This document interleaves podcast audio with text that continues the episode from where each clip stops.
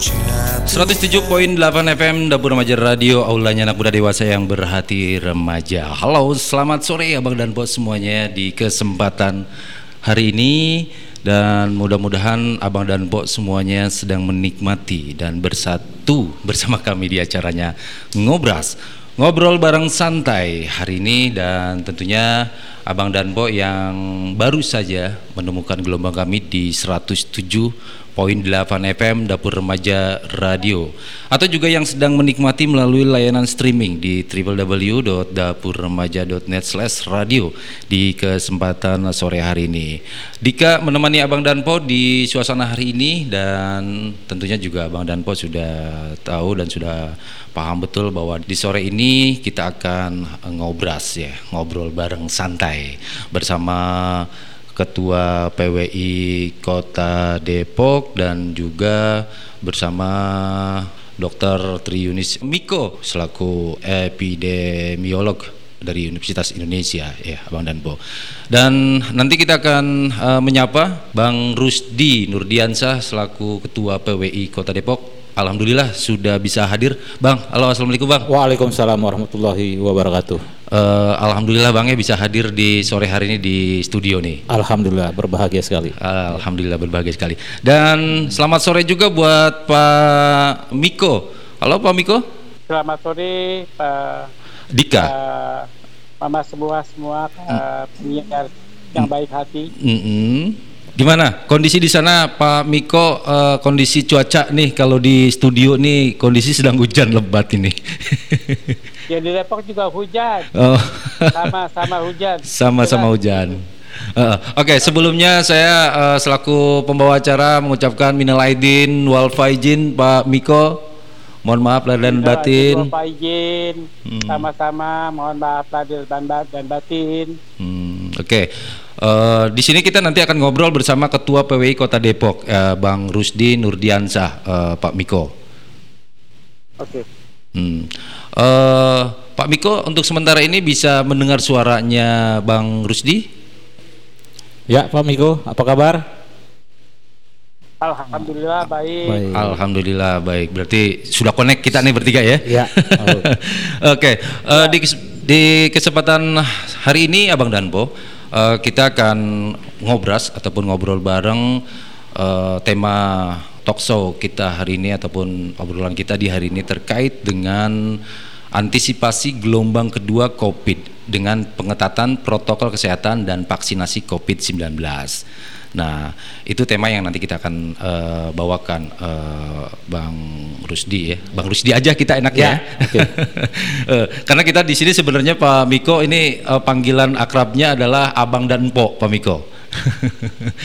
Oke, baik. Uh, bisa ditahan dulu Pak Miko penjelasannya nanti uh, di sini nanti saya akan coba jelaskan dulu uh, materi kita hari ini Pak Miko untuk uh, khususnya untuk para pendengar Abang dan Po di mana pun uh, mereka berada, baik yang ada di Kalimantan, Papua atau juga yang barangkali ada di Depok secara umum. Dan memang kita hari ini siaran kita memang sedang live streaming juga. Sebelum kita masuk ke acara berikutnya, nanti di sini saya akan coba sedikit uh, uh, jelaskan uh, materi kita. Tsunami COVID-19 gelombang kedua menyerang India semakin mengerikan. Di mana kenaikan harian kasus infeksi COVID-19 di India mencapai rekor yaitu 4.1993 kasus baru. Kematian akibat COVID-19 di India selama 24 jam terakhir juga naik menjadi 3.523 kasus, Abang dan Bo. Nah, tingginya kasus penularan COVID-19 ini dikhawatirkan karena adanya varian virus yang muncul di India dengan nama varian baru nih, Bang Rusdi. B1617. Varian ini merupakan mutan ganda karena adanya dua mutasi utama sejak terjadi lonjakan virus. Menurut laboratorium, varian virus ini sedikit lebih mudah menular dan antibodi manusia sulit menangkal virus tersebut. Seperti itu Abang Danpo sedikit penjelasannya. Dan berikutnya eh, menanggapi kasus ini Pemerintah Indonesia bergerak cepat, larangan mudik saat Idul Fitri antar kota maupun antar negara menjadi kebijakan pemerintah untuk mewaspadai kenaikan kasus COVID-19 dari varian baru yang berkembang di luar negeri.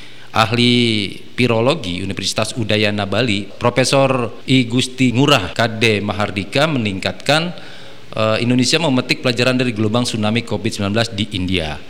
Serangan tersebut terjadi ketika India melonggarkan protokol kesehatan usai vaksinasi seperti kita juga pernah melakukan vaksinasi nih Bang ya. Hmm. Nah, disiplin protokol kesehatan kembali ditekankan meski program vaksinasi COVID-19 sudah berlangsung di tanah air.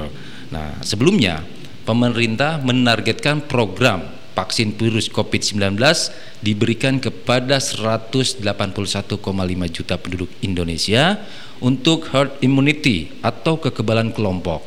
Herd immunity ditargetkan terbentuk dalam kurun waktu satu tahun seiring dengan vaksinasinya 181,5 juta penduduk. Saat ini, banyak pihak yang mendukung program vaksinasi COVID-19. Herd community yang ditargetkan dari vaksinasi memang berimplikasi pada pemulihan ekonomi sosial. Nah, di sini Abang Danpo, pihak swasta tercatat ikut berkolaborasi dengan pemerintah untuk program vaksinasi COVID-19. Mereka saling gotong royong mendistribusikan vaksin COVID-19 ke masyarakat.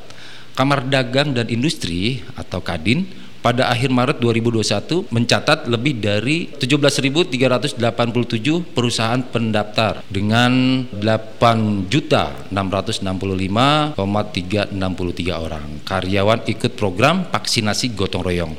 Nah, di sini untuk percepatan program vaksinasi, peran media massa sangat penting. Pasalnya, sebelumnya program vaksinasi COVID-19 diterpa hoax yang berdampak negatif ke masyarakat.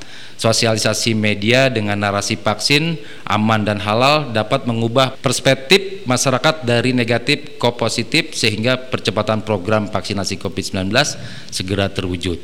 Nah, itu materi kita hari ini, uh, Bang Rusdi, yang nanti kita akan bahas. Artinya di sini uh, merujuk dari terjadinya gelombang tsunami atau ledakan tsunami yang terjadi di India seperti itu, Pak Miko, sehingga Indonesia sangat berhati-hati sehingga dikeluarkannya peraturan larangan mudik yang terjadi dari tahun 2020 sampai dengan 2021. Nah, di sini saya akan menanyakan ke Pak Miko apakah upaya yang dilakukan pemerintah saat ini untuk memutus rantai penularan COVID-19 sudah efektif? Nah, seperti apa Pak Miko uh, penjelasannya?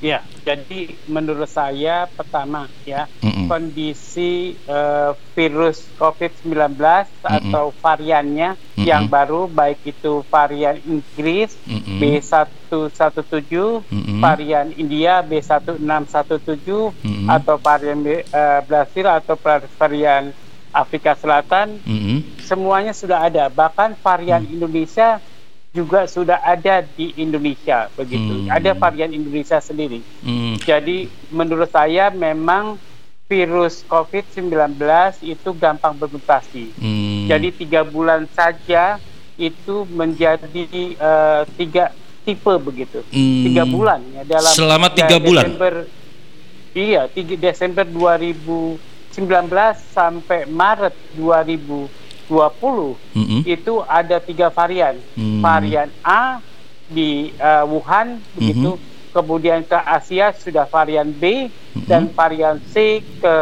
uh, Amerika Serikat begitu. Jadi mm. itu sudah tiga varian. Mm. Jadi bayangkan kalau kemudian uh, virus ini gampang bermutasi. Jadi hmm. varian yang bermutasi sudah banyak gitu, tapi semuanya ada di Indonesia. Hmm. Jadi bayangkan kalau varian-varian India ada di Indonesia dan penyebarannya kemudian dipacu dengan mudik atau mobilitas mm-hmm. uh, penduduk Indonesia yang begitu besar gitu mm-hmm. karena kita tidak lockdown. Mm. Jadi mobilitas itu gak memudahkan penyebaran mm. baik itu virus COVID-19-nya mm. maupun variannya. Mm. Jadi menurut saya surveillance tidak bisa menangkap dengan baik, mm-hmm.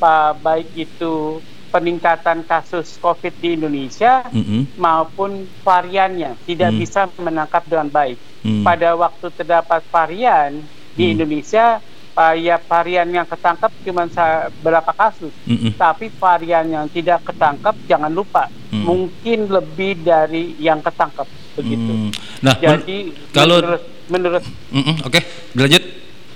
Ya, menurut saya hmm.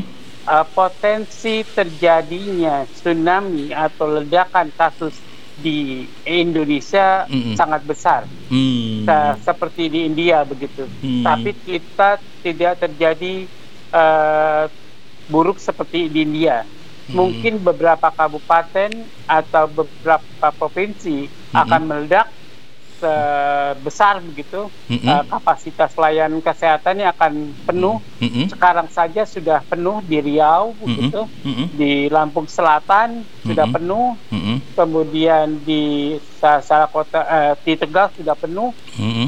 Setelah Lebaran ini begitu penuh mm -hmm. dan mungkin akan menyusul Banten, mm -hmm. kemudian uh, Surabaya mm -hmm. akan menyusul, uh, kemudian akan penuh semua. Hmm. Jadi menurut saya uh, karena surveillance gagal menangkap uh, jumlah yang sebenarnya dari kasus COVID di masyarakat. Mm, gitu. Itu kegagalan pertama. Okay. Kegagalan kedua adalah mm -hmm. Uh, kita tidak mampu melakukan kontak tracing dengan baik. Hmm. Nah, karena kontak tracing itu sejak uh, Januari 2021 hmm. dilakukan oleh kader kesehatan yang hmm. pendidikannya bermacam-macam hmm. begitu uh, dilakukan oleh Pak RW hmm. dan Babinsa. Iya. Jadi uh, jarang Satgas, sekali ya? yang dilakukan oleh uh, ya jarang sekali yang dilakukan oleh tenaga profesional begitu. Hmm, gitu. Dari salah satu atau dua kabupaten yang dilakukan oleh tenaga profesional termasuk DKI okay. dilakukan oleh tenaga tenaga profesional. Okay. Sisanya tidak.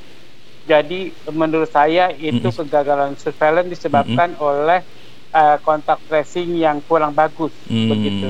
Jadi pada kasus yang ditangkap hmm. oleh surveillance harusnya dilakukan kontak tracing yaitu hmm. penelusuran hmm. uh, kontak yang uh, terjadi oleh kasus tersebut. Hmm. Jadi pada waktu Maret 2020 hmm. atau April 2020 hmm kita mampu men-tracing satu kasus itu hmm. 20 sampai 30 kontak. Hmm. Tapi sekarang itu cuma mampunya men-tracing 4 sampai 10 atau rata-rata 6. Hmm. Hanya keluarganya saja yang di-tracing. Okay. Bayangkan di hmm. luar keluarganya hmm. tidak di-tracing dan hmm. kalau itu hmm. menjadi kasus maka kasus itu akan menyebarkan kepada hmm. orang lain di masyarakat. Okay. Jadi saya sebenarnya dengan kejadian ini sedih hmm. itu tidak di tracing dengan baik, apalagi hmm. sejak September 2020 hmm. OTG itu tidak diperiksa PCR-nya. Hmm. Oleh okay. karena itu hmm. OTG dibiarkan berkeliaran hmm. menjadi sumber penularan hmm. dan itu akan memperbanyak kasus di masyarakat. Hmm. Jadi eh, sebenarnya kasus di masyarakat mungkin yang dilaporkan 4000 Oke, okay. uh, eh, Abang Danpo, uh, agak ada sedikit gangguan terkait uh, cuaca ya. Uh, jadi agak-agak terputus dengan Pak Miko selaku uh, epidemiolog ya. Oke, okay, kita sudah tersambung lagi. Oke okay, Pak, ditahan dulu di situ Pak. Nanti penjelasannya. Uh, saya menanyakan terkait satu saja variannya varian B yang ada di Indonesia Pak Uh, apakah itu juga memang salah satu bentuk yang uh, ganas seperti di India? Ya. Mm -mm. Varian B yang di Indonesia itu apakah sangat ya. berbahaya? Varian uh, India mm. atau B1617 mm itu sudah terdeteksi di Indonesia mm. dari orang-orang India yang masuk mm. sebagai migrasi atau pindah mm. atau sebagai pekerja. Mm. Yang pekerja ini baik bayangkan di Riau sudah terjadi peningkatan yang luar biasa hmm. sampai kapasitas pelayanan kesehatannya penuh dan ternyata itu salah satunya disebabkan oleh varian India tersebut hmm. B1617 itu karena ada pekerja India yang bekerja di sana. Okay. Saya yakin uh, bahwa migrasi orang India hmm. itu pa pada bintang-bintang film mm -hmm. atau aktor itu okay. banyak eh, belum lagi uh, orang India yang bekerja pada uh, uh, perdagangan begitu jadi mm. banyak yang orang India di tempat-tempat India itu banyaklah di, di Medan ada Oh, di gitu. eh, di Jakarta ada kemudian di Jawa Timur ada lah pasti. Oke, nah siap. itu tidak ter- terdeteksi semua. Pada Mm-mm. waktu terjadi krisis di India Mm-mm. banyak orang India lari bahkan diberitakan Mm-mm. oleh eh, di Jakarta itu lolos Mm-mm. dari pengawasan Pengontrolan atau pengawasan ya. Jadi itu bahaya.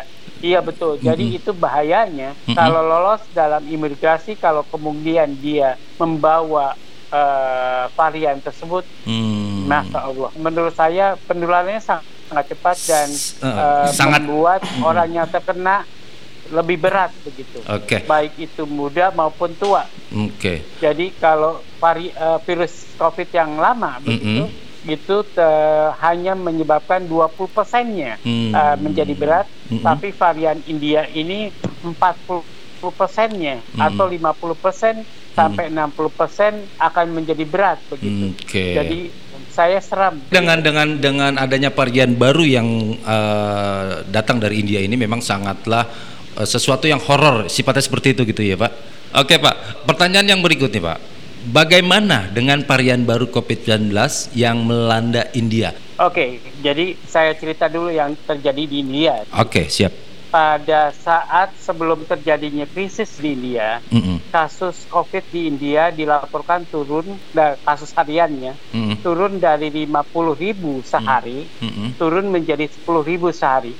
Mm-mm. Sama dengan di Indonesia, Mm-mm. turun dari 15 ribu sehari pada bulan Desember 2020 atau Januari 2021, turun menjadi 5 ribu pada Hmm. Februari 2021. Itu Oke. sama, karena kemampuan surveillance tidak menangkap eh, kasus COVID di Indonesia. Oke. Ya, sama juga di India Oke. menangkap kasus COVID di India. Mm. Nah, begitu satu bulan ada acara keagamaan uh, berkumpul semuanya di Sungai Gangga. Bunga Gangga.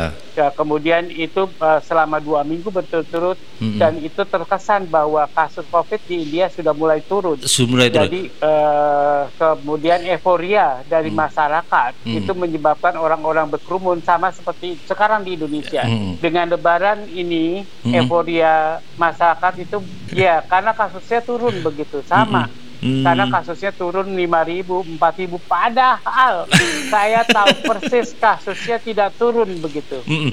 Eh, saya duga kasusnya kemudian bisa dua kali lipat dengan OTG-nya, Hmm. Eh, berarti itu 10.000 Hmm. atau tiga kali lipat dengan kasus yang tidak bisa deteksi atau Hmm. 15.000 atau bisa empat kali lipat atau Hmm. 20.000 sehari. Kasus COVID di Indonesia Mm-mm. Kasus hariannya adalah 20.000 Mm-mm. sehari sekarang. Mm-mm. Jadi bisa dibayangkan seramnya di Indonesia Oke. bahwa kemungkinan akan terjadi krisis di India sangat besar di Indonesia. Eh, kan terjadinya kerumunan di Sungai Gangga itu kan karena mereka sudah pede dengan mereka sudah melakukan vaksin nih, eh, Pak Miko. Apakah rasa kepedean itu yang membuat mereka mere- mere- yakin dengan tidak tertularnya gitu ya? Ya betul. Hmm. Jadi yang di India sudah 60 juta bahkan yang divaksin, tapi kan penduduknya lebih banyak. Hmm. Itu penduduk eh, di India 900 juta lebih, Hmm. tapi di Indonesia sekarang sudah 21 juta. Mm-mm. Tapi penduduk Indonesia sekarang 279 juta. Mm-mm. Jadi eh, sama sebenarnya masih eh, 10 persenan Mm. eh, eh, orang yang divaksin. Hmm. Tapi karena euforia penduduknya Mm. oh, sudah menurun Hmm. dan sebagian sudah divaksin menjadi abai Ah. terhadap protokol, Protokol kesehatan. kesehatan, begitu. Jadi mungkin saja terjadi ledakan, tapi saya yakin Mm-mm. kalaupun terjadi ledakan di Indonesia Mm-mm. tidak separah India begitu. Penduduknya memang India lebih banyak, Lebih 900 padat ya. juta, hampir satu miliar begitu. Hmm, Kemudian oke. di Indonesia tidak sebanyak itu. Perilaku di Indonesia lebih baik dari India. Kemudian eh, lingkungannya juga lebih baik di Indonesia Hmm. eh di Indonesia dibanding India. Kalau yang kumuh eh, kumuhnya di Indonesia paling Jakarta Barat, Hmm. eh, da- Surabaya dan da- Bandung begitu. Ta- Hmm. Tapi eh, di India itu di mana-mana eh, banyak daerah kumuh yang yang menurut saya variannya lebih banyak di India. Lebih tinggi. Oke, okay. uh, yang selanjutnya uh, Pak Miko nih uh, pertanyaan yang berikutnya. Di sini melihat dari kondisi masyarakat yang mulai bosan dengan pandemi COVID-19 sehingga menurunnya angka kedisiplinan protokol kesehatan uh, bagaimana pandangan uh, Bapak uh, terkait dengan kasus seperti ini?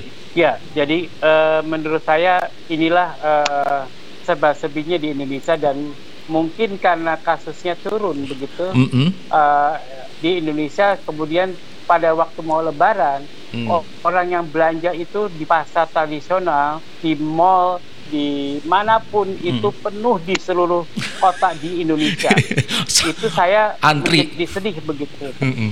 jadi saya sedih dengan orang-orang belanja Lebaran begitu Hmm. Di Tanah Abang penuh, hmm. di Pasar Minggu penuh, di hmm. ITC penuh, di mall mana pun yang murah itu penuh semua. Hmm. Jadi saya sedih begitu. Hmm. Jadi memang kerumunan ini tidak bisa uh, tidak bisa dielakkan hmm. selama Lebaran. Selama Lebaran Jadi, ini banyak sekali yang memang masyarakat tidak mengendahkan aturan protokol itu sendiri ya gitu, Pak. Iya betul. Jadi hmm. uh, menurut saya ini itu yang membuat saya sedih begitu. Hmm. Saya sampai menangis mas. Ya hmm. karena saya tahu jumlah yang sebenarnya dari hmm. kasus hmm. COVID di Indonesia. Okay. Saya nangis uh, orang belanja Lebaran itu banyak begitu. Saya hmm. menangis karena hmm. Hmm. orang yang berkerumun itu banyak. Hmm. Maka kemudian ya saya tidak bisa mengatakan hmm. ya Allah Mm-hmm. Jadi mungkin akan terjadi ledakan di Indonesia, mm-hmm. tapi saya berdoa supaya mm-hmm. tidak terjadi begitu. Mm-hmm. Jadi kalau saya melihat kerumunan di Indonesia, mm-hmm. saya akan menangis. Mm-hmm. Saya akan menangis. Okay. Karena saya tahu jumlah yang sebenarnya karena saya mm-hmm.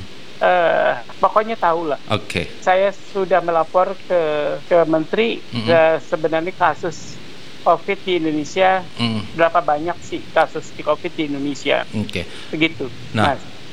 lalu apa yang uh, harus uh, dilakukan nih, uh, Pak Miko, uh, ya. uh, agar pemerintah uh, untuk melakukan herd immunity uh, dengan program vaksinasi yang saat ini gencar dilakukan segera terwujud? Apa yang yang memang uh, harus dilakukan pemerintah uh, menurut uh, Pak Miko? Kalau mau di Indonesia tidak uh, tidak akan terjadi ledakan atau tsunami mm-hmm. seperti di India cuma dua uh, alternatif jalannya. Mm-hmm. Satu adalah vaksinasi dipercepat. Mm-hmm. Uh, kedua adalah uh, meningkatkan social distancing dari mm-hmm. ringan ke, berat, ke sedang begitu, mm-hmm. even tidak ke berat.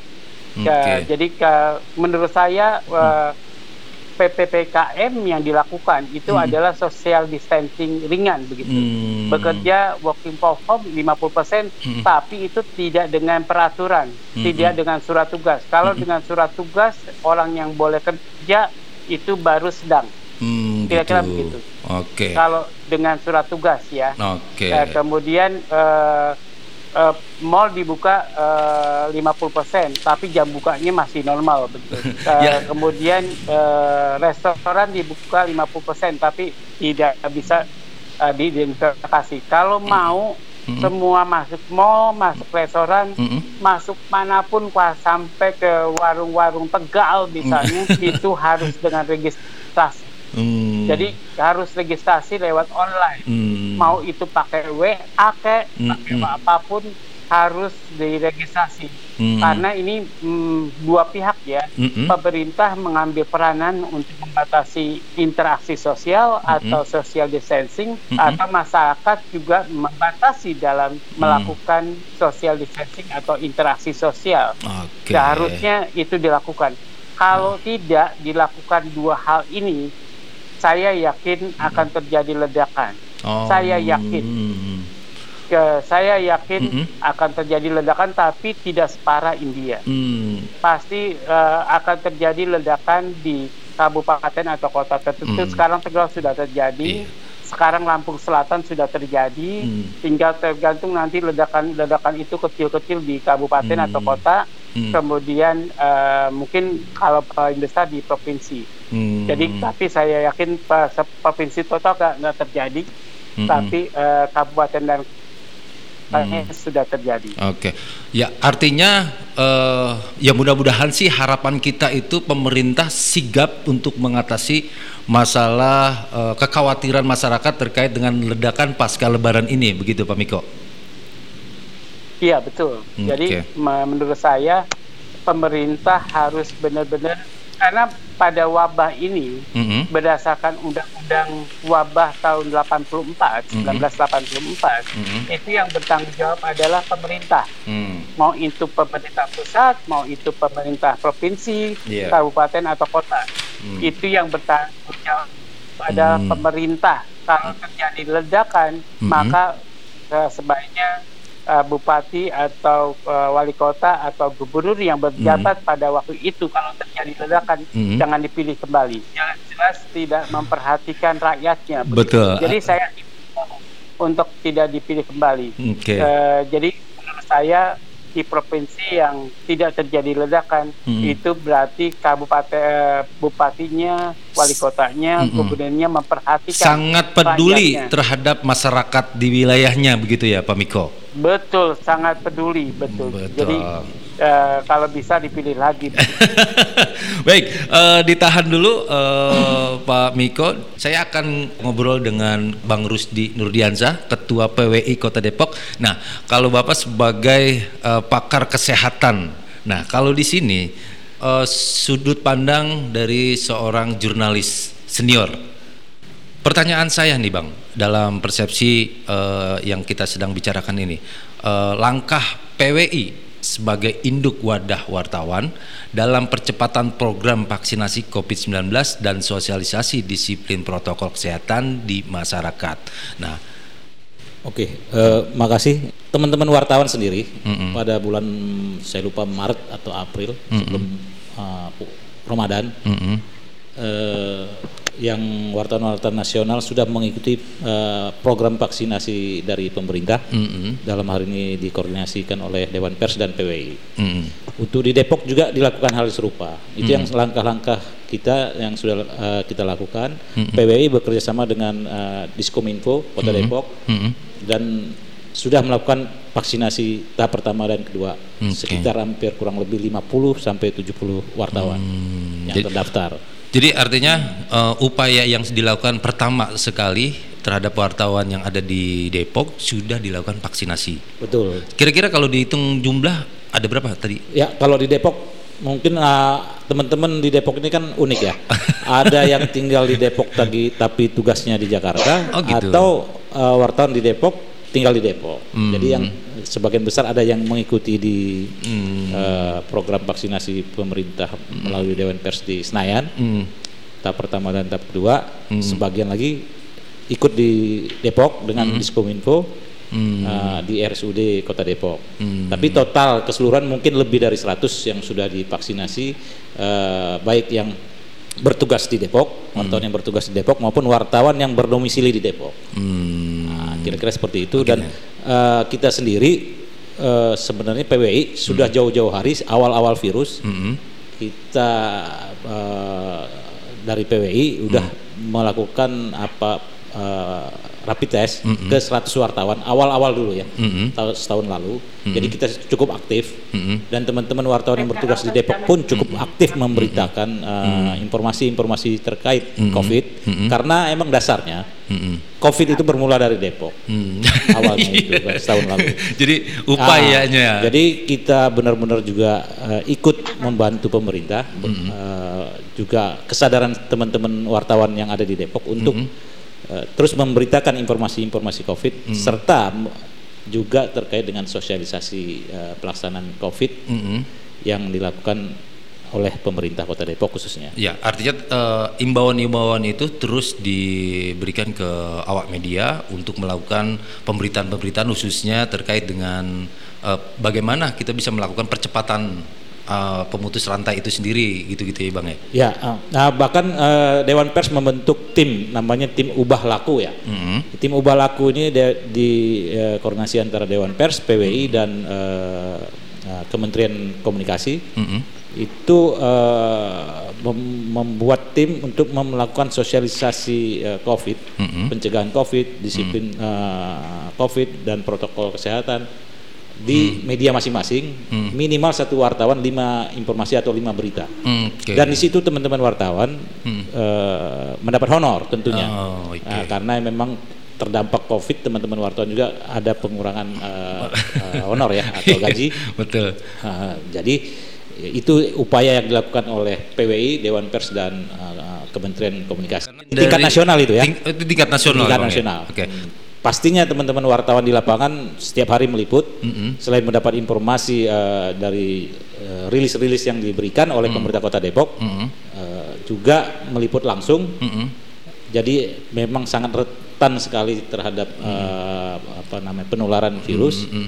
uh, jadi teman-teman juga uh, sudah dibekali dengan hmm. protokol kesehatan hmm. dan mungkin sedikit ada pelanggaran-pelanggaran ketika terjadi jumpa pers ada hmm. uh, kerumunan, kerumunan tapi kerumunan. biasanya langsung kita saling mengingatkan okay. untuk menjauh dengan narasumber. Hmm. Uh, apakah teman-teman wartawan ada yang tertular? Pastinya ada. Okay. Uh, ada yang OTG tapi mereka hmm. langsung mengasosial uh, apa namanya hmm. uh, melakukan isolasi mandiri di hmm. rumah masing-masing. Yang kedua buat abang nih, ya. uh, menurut abang adakah yang perlu diperbaiki dalam sosialisasi vaksinasi COVID-19 dan disiplin protokol kesehatan agar lebih efektif menyadarkan masyarakat Indonesia. Artinya, hal apa yang harus dibenahi, diperbaiki sehingga masyarakat benar-benar memahami bahkan lebih ya kalau kalau orang Depok itu biar pada ngeh semua gitu bang. Ya. Uh, di Depok sendiri teman-teman wartawan uh, di Depok sangat gencar memberitakan dan melakukan sosialisasi uh, apa namanya COVID mm -hmm. sehingga uh, mungkin menjadi contoh mm-hmm. bagi rekan-rekan wartawan di uh, seluruh Indonesia mm -hmm. tingkat nasional mm -hmm. di wilayah-wilayah lain mm -hmm. sehingga kemarin pun kita uh, PW Depok diundang oleh salah satu tempat wisata mm-hmm. uh, dalam hal ini tempat wisata Ancol mm-hmm. yang semula diberitakan begitu uh, padat uh, pengunjung di hari pertama, kedua dan ketiga mm-hmm. uh, di Ancol bahkan dibandingkan dengan Sungai Gangga mm-hmm. kejadian di Sungai Gangga mm-hmm. maka uh, karena informasi dan berita-berita dari teman-teman wartawan Depok bagaimana mensosialisasikan ke masyarakat di Kota Depok mm-hmm. apa namanya menjaga uh, apa namanya kerumunan atau taat dengan prokes maka mm -hmm. kita perwakilan hampir 10 orang datang ke Ancol mm -hmm. untuk mengecek langsung mm -hmm. apa yang terjadi di sana mm -hmm. Uh, memang betul uh, aturan pemerintah sudah diterapkan mm -hmm. uh, persentase pengunjung dari mm -hmm. uh, cuman diperbolehkan 30 persen mm -hmm.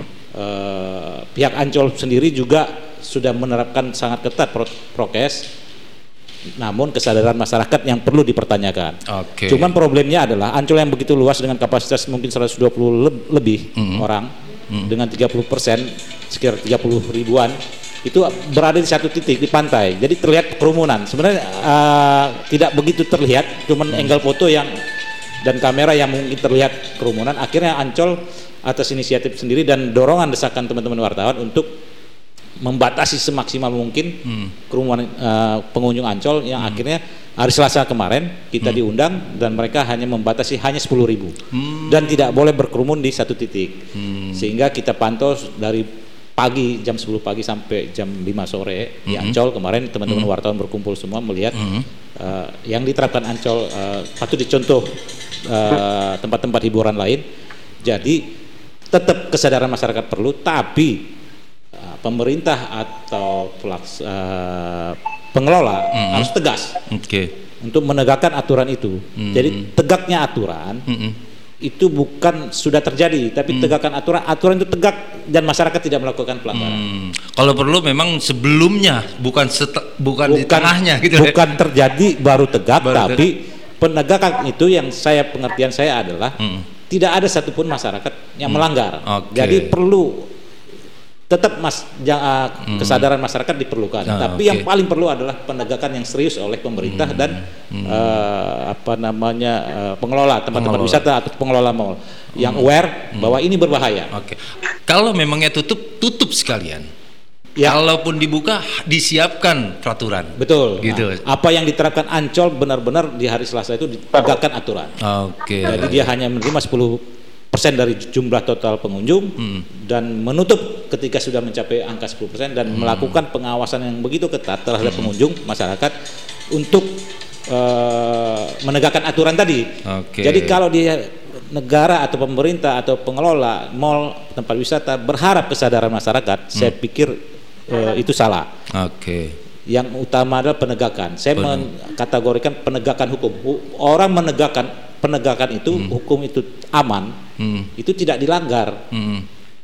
Jadi jangan kita berharap masyarakat sadar, tapi hmm. negara atau pengelola yang tampil di depan untuk menegakkan hukum. Okay. Saya pikir seperti itu. Oke, okay. baik, abang dan bos semuanya nih, makin seru obrolan kita. Pertama dengan ketua uh, eh, PWI Kota Depok, Bang Rusdi Nurdiansyah, dan yang kedua dengan uh, Bapak Miko ya, selaku narasumber kita dari Universitas Indonesia. Dan Uh, barangkali Abang Danpo yang mau ikutan di line telepon interaktif kita nih, kita kasih kesempatan untuk yang mau ikutan di hari ini ya. Halo, assalamualaikum. Waalaikumsalam. Warahmatullah wabarakatuh. Saya Sidik di ini kepala kepala Kadis Kominfo Kota kepala, Depok kalau nggak salah. Siapa Kadis? Selamat sore. Keren banget ini. Tem topiknya keren banget bener deh. Saya ngacungin jempol tiga nih. Bang Gusti juga dengan Pak Dokter juga nih. Makasih infonya. Saya sangat apresiasi sekali nih ya. Mm -hmm. Artinya eh, teman-teman wartawan Depok mm -hmm. sudah memberi contoh bagaimana mm -hmm uh, melakukan sosialisasi protokol kesehatan mm -hmm. di tempat-tempat wisata. Nah ini kan bisa menjadi contoh ya ke depannya untuk di Depok pun juga demikian gitu. Betul. Semua venue-venue pun juga mm -hmm. bisa dilakukan seperti itu. Gitu. Okay. Namun di sisi lain saya mm -hmm. uh, nampaknya perlu me, apa namanya menyampaikan mm -hmm. ide mm -hmm. Yang mungkin belum Idenya ke mana nih? Ide kesampaian gitu. Ya. Idenya nih mau ke mana nih? Disampaikannya nih? Ide, idenya ke inilah ke Pak Dokter ini nih mudah-mudahan sebagai perwakilan pemerintah. ke gitu ya. Pak ya. Dokter Jadi Miko. Ini, Pak, Pak Dokter yeah. Niko atau Miko? Miko. Niko ya Dokter Niko gini. Jadi kalau saya melihat selama ini mm -hmm. mengenai informasi COVID ini kok lebih cenderung uh, apa ya kalau saya salah tolong di, di diluruskan lebih cenderung tuh kayak semacam doktrinasi gitu loh bukan dalam bentuk edukasi hmm. ya saya hmm. berkali-kali ke, ke lapangan hmm. ya itu menemukan uh, indikasi bahwa masyarakat itu sebelum ternyata tuh belum secara utuh teredukasikan tentang COVID itu sendiri. Oke. Okay. Ya contoh contoh sederhananya gini deh, mm-hmm. masyarakat tuh nggak bisa bedain antara virus dan bakteri. Mm. Akhirnya yang timbul apa? Paranoid gitu loh menghadapi ketakutan gitu ya. Virus itu sendiri. Ya, paranoid. Mm-hmm. Paranoidnya apa? Ada pencegatan mayat yang mau dikubur seperti itu. Ya kan? Karena apa? Mereka tidak punya knowledge tentang itu dan hmm. itu sebetulnya tanggung jawab dari pemerintah untuk mengedik, memberikan edukasi hmm. ya hmm. kalau kita dapat menyampaikan itu secara utuh saya pikir ini bisa secara bijak dan paralel juga antara hmm. informasi adanya varian baru hmm. dengan kesiapan mental masyarakat yang sudah teredukasi hmm. seperti itu nah ini kan okay masyarakat belum sempat teredukasi dengan baik secara mm -hmm. utuh, mm -hmm. tapi informasi varian baru lebih menakutkan. Mm -hmm. Seperti itu. Betul. Padahal dua hari yang lalu saya baru dari RSUD Kota Depok. Yep. Saya tanya berapa bornya sekarang? Alhamdulillah Pak, 30% Pak bornya. Artinya apa? Mm -hmm. Ya Kota Depok ini punya challenge untuk menjadi kota pertama yang bebas dari COVID sebetulnya. Mm. Ya Nah makanya saya terus terang mm -hmm. di Satgas pun juga saya lebih menekankan, mm -hmm. lebih mengusulkan, ayo kita sama sama-sama yuk kita edukasi masyarakat, mm -hmm. ya supaya kita menghadapi pandemi ini bukan dengan cara uh, sekedar uh, ya kalau kalau waspada iya jelas gitu ya. Okay, Tapi bukan hanya dengan par paranoidnya gitu, gitu. tapi betul-betul kita paham kenapa kita harus harus menggunakan hand sanitizer mm -hmm, gitu ya. Mm -hmm. Nah, yang jadi heboh itu adalah ketika ada flyer dari WHO yang mengatakan mm -hmm ada benda-benda yang dapat mengandung uh, apa virus berhari-hari mm -hmm. Mm -hmm. Ya nah mm -hmm. salah satunya kertas empat okay. hari konon nah ini okay. tolong Pak Dokter Niko tolong di, di, diluruskan ya saya mencoba untuk meluruskan itu saya bukan dokter saya bukan ahli biologis gitu ya tapi saya uh, secara heuristik saya itu membaca jurnal-jurnal internasional ada 17 jurnal yang saya baca hmm. di situ Ketika hmm. WHO mengeluarkan uh, flyer itu pun juga saya langsung lacak itu sumbernya dari mana gitu okay. ya. Nah ternyata itu hanya sebatasan diskusi. Okay. Kalau memang kertas bisa empat hari mengandung uh, me, me, apa namanya mengandung virus, hmm. ya mestinya kita nggak usah capek-capek mahal-mahal beli itu dong beli apa namanya hmm. tuh uh, VTM ya. Kalau mm -hmm. kita di kalau kita di apa namanya? Mm -hmm. Kalau kita di swab itu kan mm -hmm. dimasukkan ke dalam VTM kan. Ya. ya virus transport media okay. itu dan harganya mahal. Oke. Okay. Gitu. Kenapa nggak pakai kertas? Ini kan bisa empat hmm. hari. nah, itu, Jadi itu apa? Yang saya ini kan bangun gitu okay. ya. Uh, uh, kesimpulannya yang mau disampaikan nah, kan ke Pak Miko ini apa gitu. nih? Uh, Pak, ya, saya uh, berharap ini edukasi pak yang mm -hmm. lebih diutamakan ke masyarakat. Oke. Okay. Okay. Gitu supaya masyarakat di satu sisi mereka akan patuh ketika mereka sudah memiliki hmm, okay. knowledge yang mumpuni terkait masalah COVID ini. Gitu. Oke. Okay. Itu saja sih dari saya. Okay. Mohon maaf sebelumnya. Ya, sama-sama ya, Pak. Dan sukses selalu ya dapur remaja. Terima kasih Bang Pak Sidik. Bang Maulana ya, gitu. Terima kasih. Bang Maulana ada salam. terus ya. ya. Sama-sama Pak. Yo, Assalamualaikum. Waalaikumsalam warahmatullahi wabarakatuh. Waduh nih ternyata Bang Rusdi hmm. Pak Kadis juga monitor Bang Rusdi nih. Iya Pak Kadis Kominfo tadi Pak Miko. Hmm. Nah Pak Miko tuh tadi ada ini, tapi sebelum ini tadi sebelum Pak Miko menjawab Pak Sidik ada penelpon dulu satu saya coba angkat dulu ya Pak. Halo. Oke oke nggak jadi uh, terputus ya terputus. Oke uh, mungkin Pak Miko bisa uh, meluruskan apa tadi yang disampaikan oleh Pak Sidik terkait dengan uh, masalah uh, ada player kertas ya. Di situ mengatakan ada virus yang dapat bertahan lama. Tapi aduh nih uh, memang nggak sabar orang kalau pengen ikutan yeah. itu yeah, aduh yeah, kadang-kadang yeah. suka nggak nggak nggak nggak sabar nih. Coba kita coba lihat dulu. Halo assalamualaikum Assalamualaikum. Waalaikumsalam warahmatullah. Dengan siapa ini abang? Aldi Aldi. Aldi di mana bang? Betulnya sih orang Depok. Cuma sekarang lagi mudik nih ada di Sumedang. Aldi di Sumedang. Wah, wow, orang Depok tapi lagi mudik. Oke. Okay. Ini uh, bang, ya. Uh, tadi kan uh, saya dari awal tuh udah ikutan mm -hmm. uh, apa dengerin ini, mm. terutama tadi penjelasan dari dokter ya. Pak dok, dokter Miko. Logi ya dokter Miko. Mm -hmm. Kemudian tadi aja dari uh, perwakilan pemerintah ya dari kota Depok ya pak tadi. Uh, uh, yang terakhir tadi Pak Sidik. Iya. Hmm. Artinya begini sih, saya sebagai warga sebetulnya eh, ada apa ya, ada pertanyaan besar sebetulnya pandemi ini ada endingnya apa enggak gitu. Terutama eh, apalagi tadi dijelasin sama dokter itu ada varian dari Brazil, Afrika dan lain sebagainya. Ini kalau ini ketemu varian ketemu varian apa nanti muncul varian baru lagi dan bagaimana? Nah ini uh, sebetulnya akan ada akhirnya atau enggak pandemi ini? Varian satu dan varian satu, dua dan tiga gitu ya? Enggak, sebetulnya uh, lebih pada covid ini sebenarnya pandemi covid ini bakal ada akhirnya atau akan seperti ini aja dua tahun terakhir gitu mm -mm. ada lockdown kemudian vaksin mm -mm. kita kan udah jalan vaksin ya apa nanti setelah mm -mm. vaksin selesai di pandemi atau bagaimana oke okay. oke okay. Gitu makasih ya. Oke, Bang Aldi di Sumedang. Aldi di Sumedang, orang Depok lagi pulang kampung di Sumedang. Nah, Pak Miko, pertanyaannya ke Pak Miko nih, uh, dia terkait dengan ending. ending COVID-19 apakah terus seperti ini? Apakah ada akhirnya Pak Miko? Ini ketakutannya orang yang memang lagi pulang kampung nih Pak Miko. Bisa dijelaskan? Ya, jadi kalau akhir pandemi ini, uh, pandemi ini atau wabah ini akan berubah menjadi epi, uh, menjadi uh, endemis begitu, mm -hmm. menjadi endemis dulu mm -hmm. di Indonesia.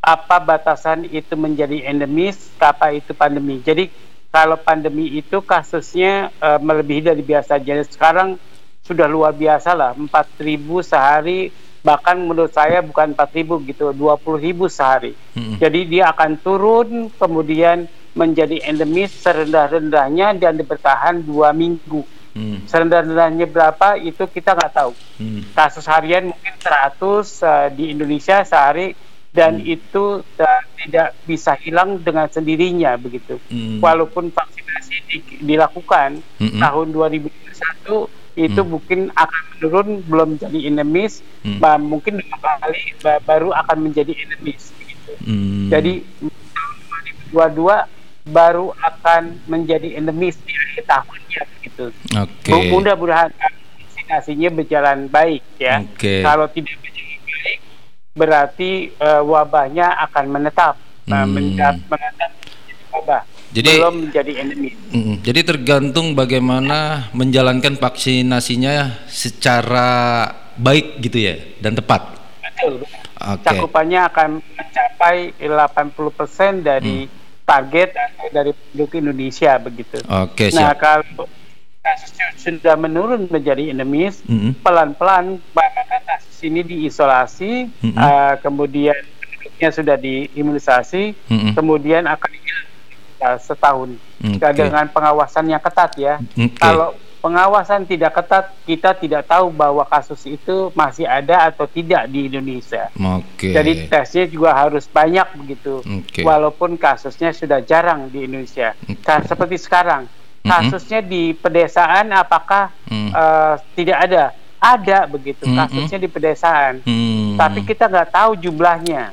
Yeah. Jadi karena tes yang uh, kurang di di, di pedesaan mm -hmm. nah, itu jumlahnya kita tidak tahu begitu. Okay. Jadi menurut saya kasusnya akan turun setelah vaksinasi sekali uh, mungkin turun sedikit kemudian dua kali akan turun banyak menjadi endemis. Menjadi saya yakin kalau dua kali uh, vaksinasi kita akan berhasil menurunkan kasusnya menjadi endemis. endemis. Dan kasusnya pelan-pelan kita hilangkan eh, tiga empat tahun kemudian begitu. Okay. Jadi Uh, tapi kalau sudah endemis tidak berbahaya, mm -hmm. karena yang berbahaya adalah kalau terjadi wabah atau mm. uh, pandemi okay. uh, di di negara atau di dunia begitu. Oke. Okay. Itu yang okay. menurut saya ya. Oke, okay. baik Pak Miko.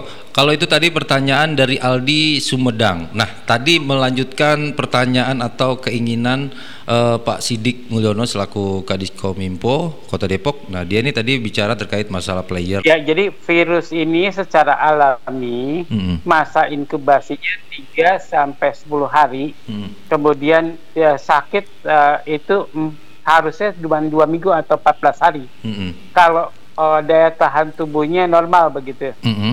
Uh, jadi kalau daya tahan tubuhnya normal itu akan sakit dua minggu. Tapi kalau daya tahan tubuhnya rendah, mm-hmm. uh, kemudian uh, dia akan bertahan mungkin mm-hmm. sebulan.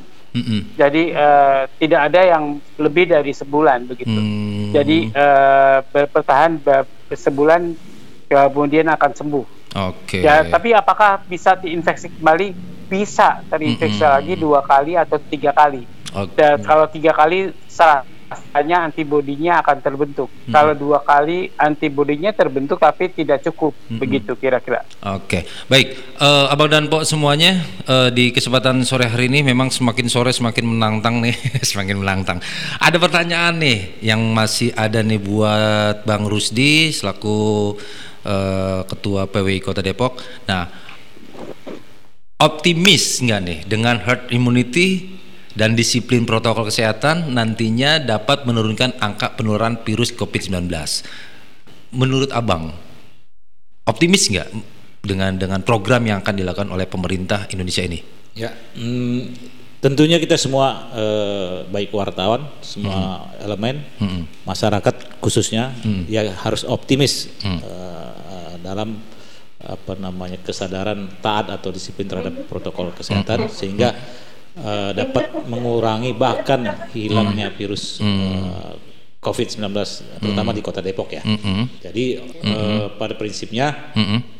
ada hmm. apa namanya bersama-sama hmm. antara pastinya penegakan hmm. disiplin prokes tadi hmm. dari pemerintah ataupun uh, apa stakeholder hmm. lainnya hmm. dengan masyarakat. Hmm. Artinya kerjasama yang hmm. benar. Kesadaran gitu ya? masyarakat itu hmm. juga sangat penting. Hmm. Jadi pemerintah begitu mati-matian menegakkan aturan, hmm. tapi masyarakat masyarakatnya nggak sadar ya hmm. susah juga. Susah juga Jadi ya. harus bersama-sama hmm. menuntaskan masalah uh, COVID-19 uh, di Kota Depok khusus. Oke, okay. ya artinya apa pun upaya pemerintah Bukan harus di harus didukung dengan masyarakat secara penuh Masif, ya. Nah, gitu ya. Harus sangat sangat harus. Mm. Saya kasih contoh kayak uh, mm. se uh, seperti di tempat-tempat uh, mm. wisata pas hari mm. Lebaran pertama, mm. kedua dan ketiga. Mm. Ya segencar-gencarnya pemerintah membuat aturan, mm. menegakkan aturan mm. tanpa kesadaran masyarakat yang tinggi mm. Taat dan disiplin terhadap prokes ya mm. itu yang terjadi. Okay. Penumpukan di Pangandaran, mm. di Ancol, mm. di Pantai Ida Kapuk. Mm di Ragunan, mm -hmm. di Taman Mini dan lain-lain.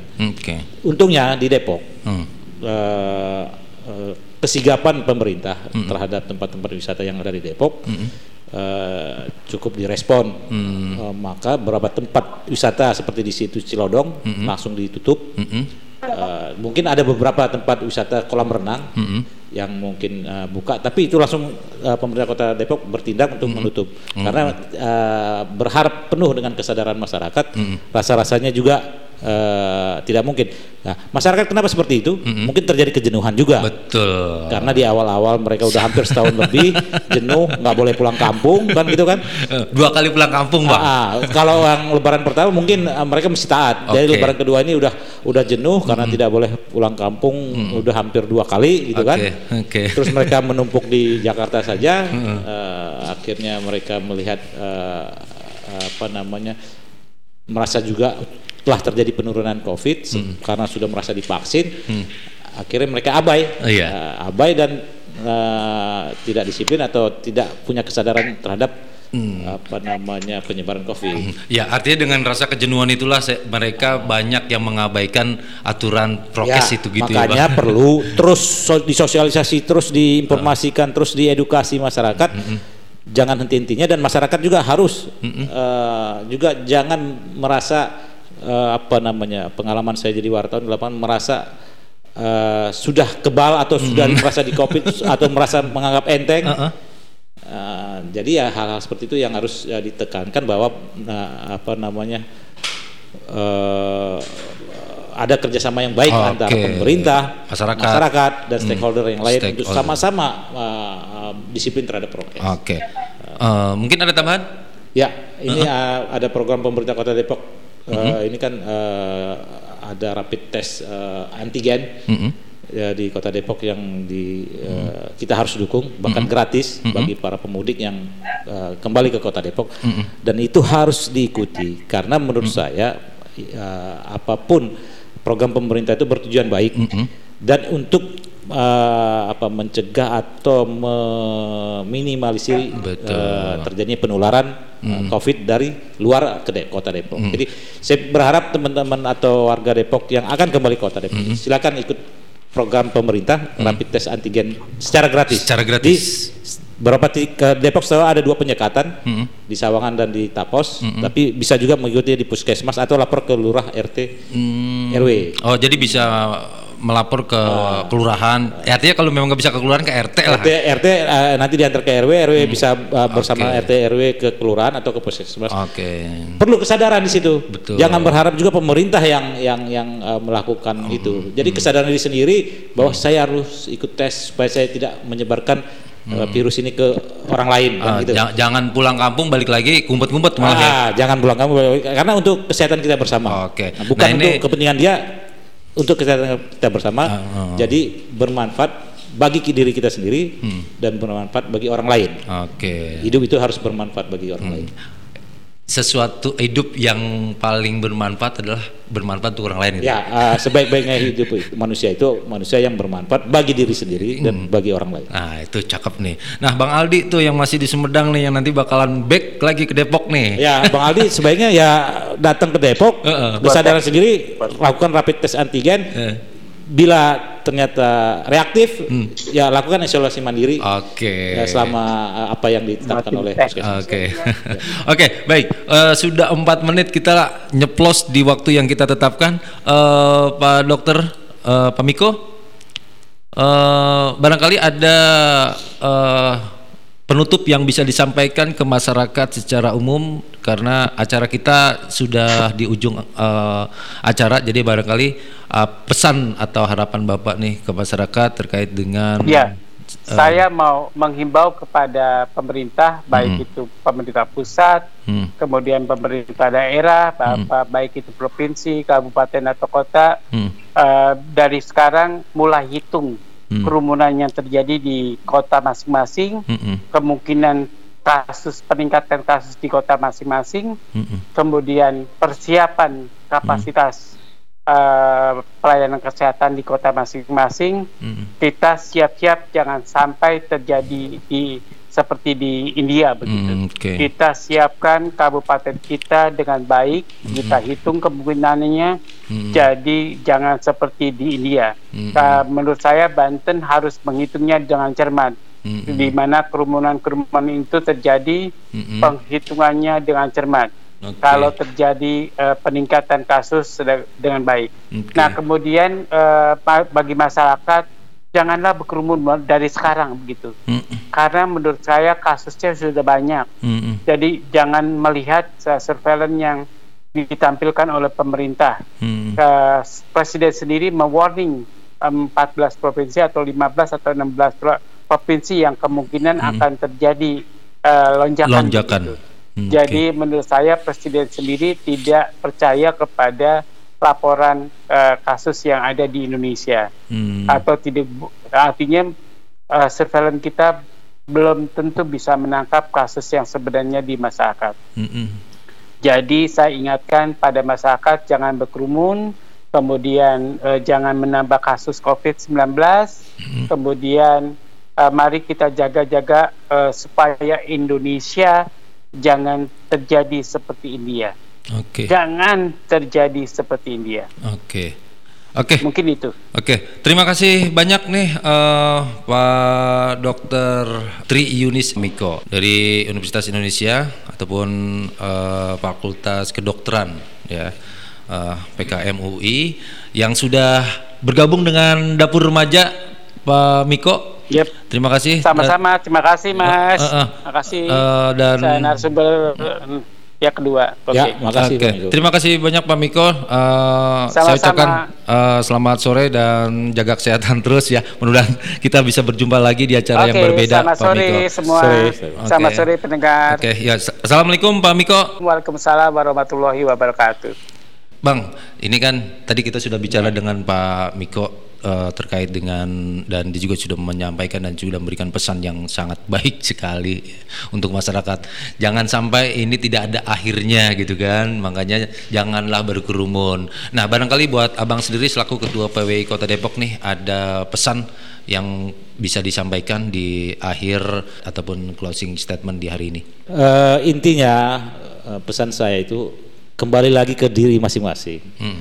Warga atau masyarakat harus uh, berinisiatif untuk membantu pemerintah. Hmm. Jadi warganya sendiri yang harus eh, menjaga kesehatannya sendiri. Okay. Misalnya dengan melakukan uh, peningkatan imunnya itu melakukan olahraga, hmm. ya, atau berjemur, hmm. Bapak, uh, apa uh, untuk menambah vitamin C dan macam-macam, hmm. melakukan kegiatan-kegiatan yang tidak perlu, eh, okay. tidak melakukan kegiatan yang tidak perlu, misalnya hmm. uh, berkunjung ke mall atau berkumpul lebih dari uh, lima orang atau hmm, lebih hmm. ya kan jadi kembali ke diri masing-masing okay. jaga kesehatan diri masing-masing hmm. selamatkan diri masing-masing dan keluarga okay. dan juga uh, kota kita yang tercinta, kota Depok dan okay. juga uh, seluruh Indonesia. Okay. Jadi pemberantasan pandemi itu diawali justru menurut saya dari diri hmm. sendiri.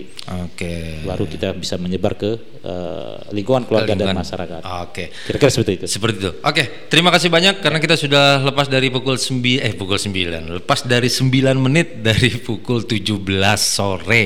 Abang dan Po ngobras, ngobrol bareng santai pas kita lagi ngobrol santai tadi cuaca cukup ekstrim juga. Memang tadi ada dua pemikiran sebenarnya, Bang. Ya, ada dua pemikiran ini kan satu cuaca, satu kita harus fokus dengan topik kita. Saya ucapkan terima kasih banyak nih buat Pak Tri Yunis Miko dan juga Bang Rusdi Nurdiansa, Ketua PWI Kota Depok yang sudah bisa hadir di acara ngobras uh, sore hari ini, kesempatan hari ini, mudah-mudahan nanti kita bisa ngobrol-ngobrol lagi di acara yang berbeda nih, Bang. Iya. Mudah-mudahan jangan ngobrol masalah Covid lagi, Bang. Iya. Ngobrol betul. yang lain. Ngobrol yang lain lebih iya. menarik. Gitu. Yang lebih menarik. Ada musiknya, jadi kita happy gitu. Iya, betul.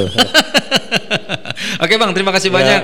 kasih. Uh, mungkin uh, apa namanya, uh, bang bisa salam dengan uh, apa untuk abang dan Pak semua di penutup.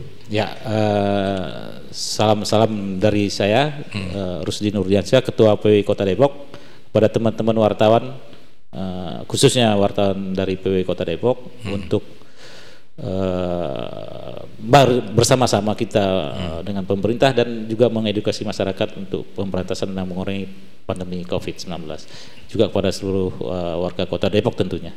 Wabillahi taufiq walhidayah. Wassalamualaikum warahmatullahi wabarakatuh. Waalaikumsalam warahmatullahi wabarakatuh. Terima kasih banyak Bang Rusdi, Ketua PW Kota Depok ya. Dan saya juga mengucapkan terima kasih atas kebersamaan Abang dan Po yang sudah menyatu bersama kami satu jam. Ya mudah-mudahan topik kita kali ini bermanfaat untuk Abang dan Po dan bisa kita jalankan sehingga kita bisa me bantu program pemerintah kota ataupun pemerintah uh, pusat.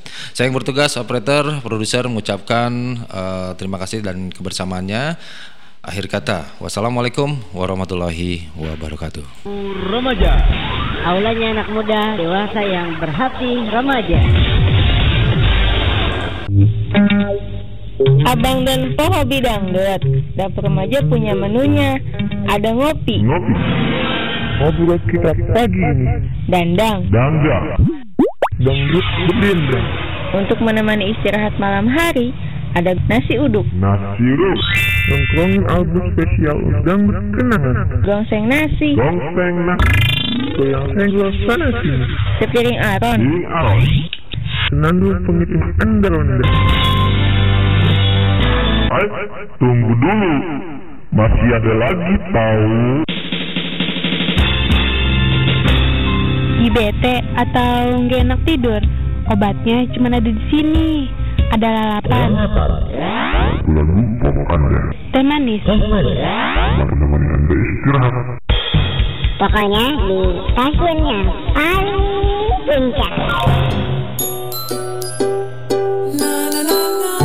Insting, inspirasi penting. Kisah-kisah inspirasi yang penting untuk memperbaharui hati dan pikiran kita.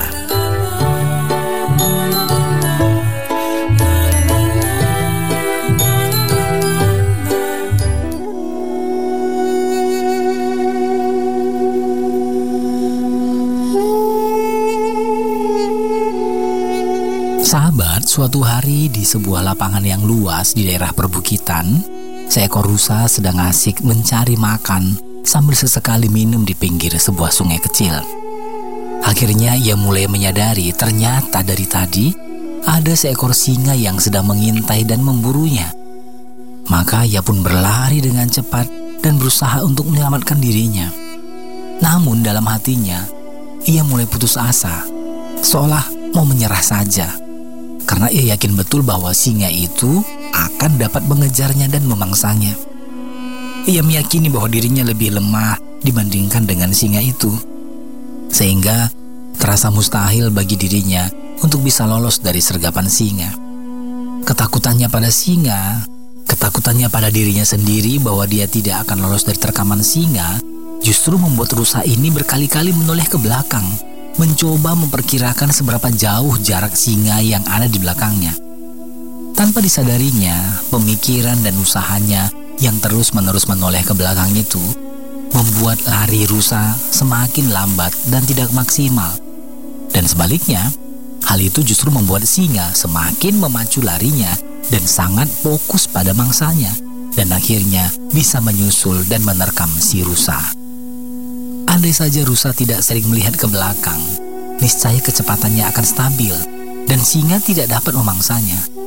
Kalau saja rusa mengerti betul titik kekuatannya ada pada kakinya yang ramping dan kecepatannya yang luar biasa, niscaya dia akan selamat dari cengkraman singa. Tapi apa boleh buat, semua telah terlambat. Si rusa menjadi mangsa si singa yang kuat itu.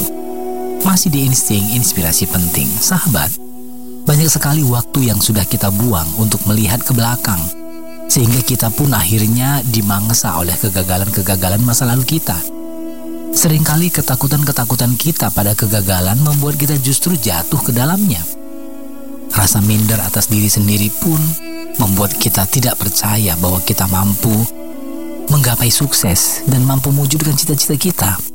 Pada akhirnya, perasaan dan pikiran negatif benar-benar akan membuat hidup kita layu dan mati. Maka, jangan pernah meragukan potensi dalam diri kita. Jangan pernah takut tak bisa berprestasi Jangan pernah menyerah untuk bisa unjuk gigi. Bahkan di tengah kelemahan, pasti ada kemampuan yang bisa diasah, yang mampu membuat kita jadi insan unggulan. Kelebihan atau bakat tidak selalu muncul sedari dini. Seringkali harus diadu terlebih dahulu dengan tantangan dan cobaan, baru akan terlihat. Karena itu, belajarlah untuk melupakan apa yang telah di belakang kita dan mengarahkan diri kepada apa yang di hadapan kita serta berlari-lari pada tujuan untuk meraih masa depan yang penuh dengan harapan.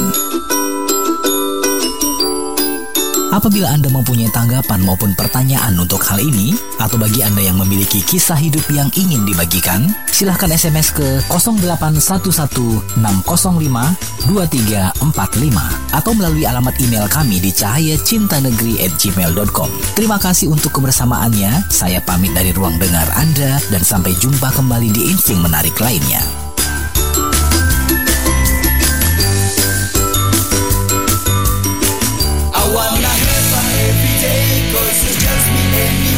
what the fuck they say, the fuck they say. I wanna get.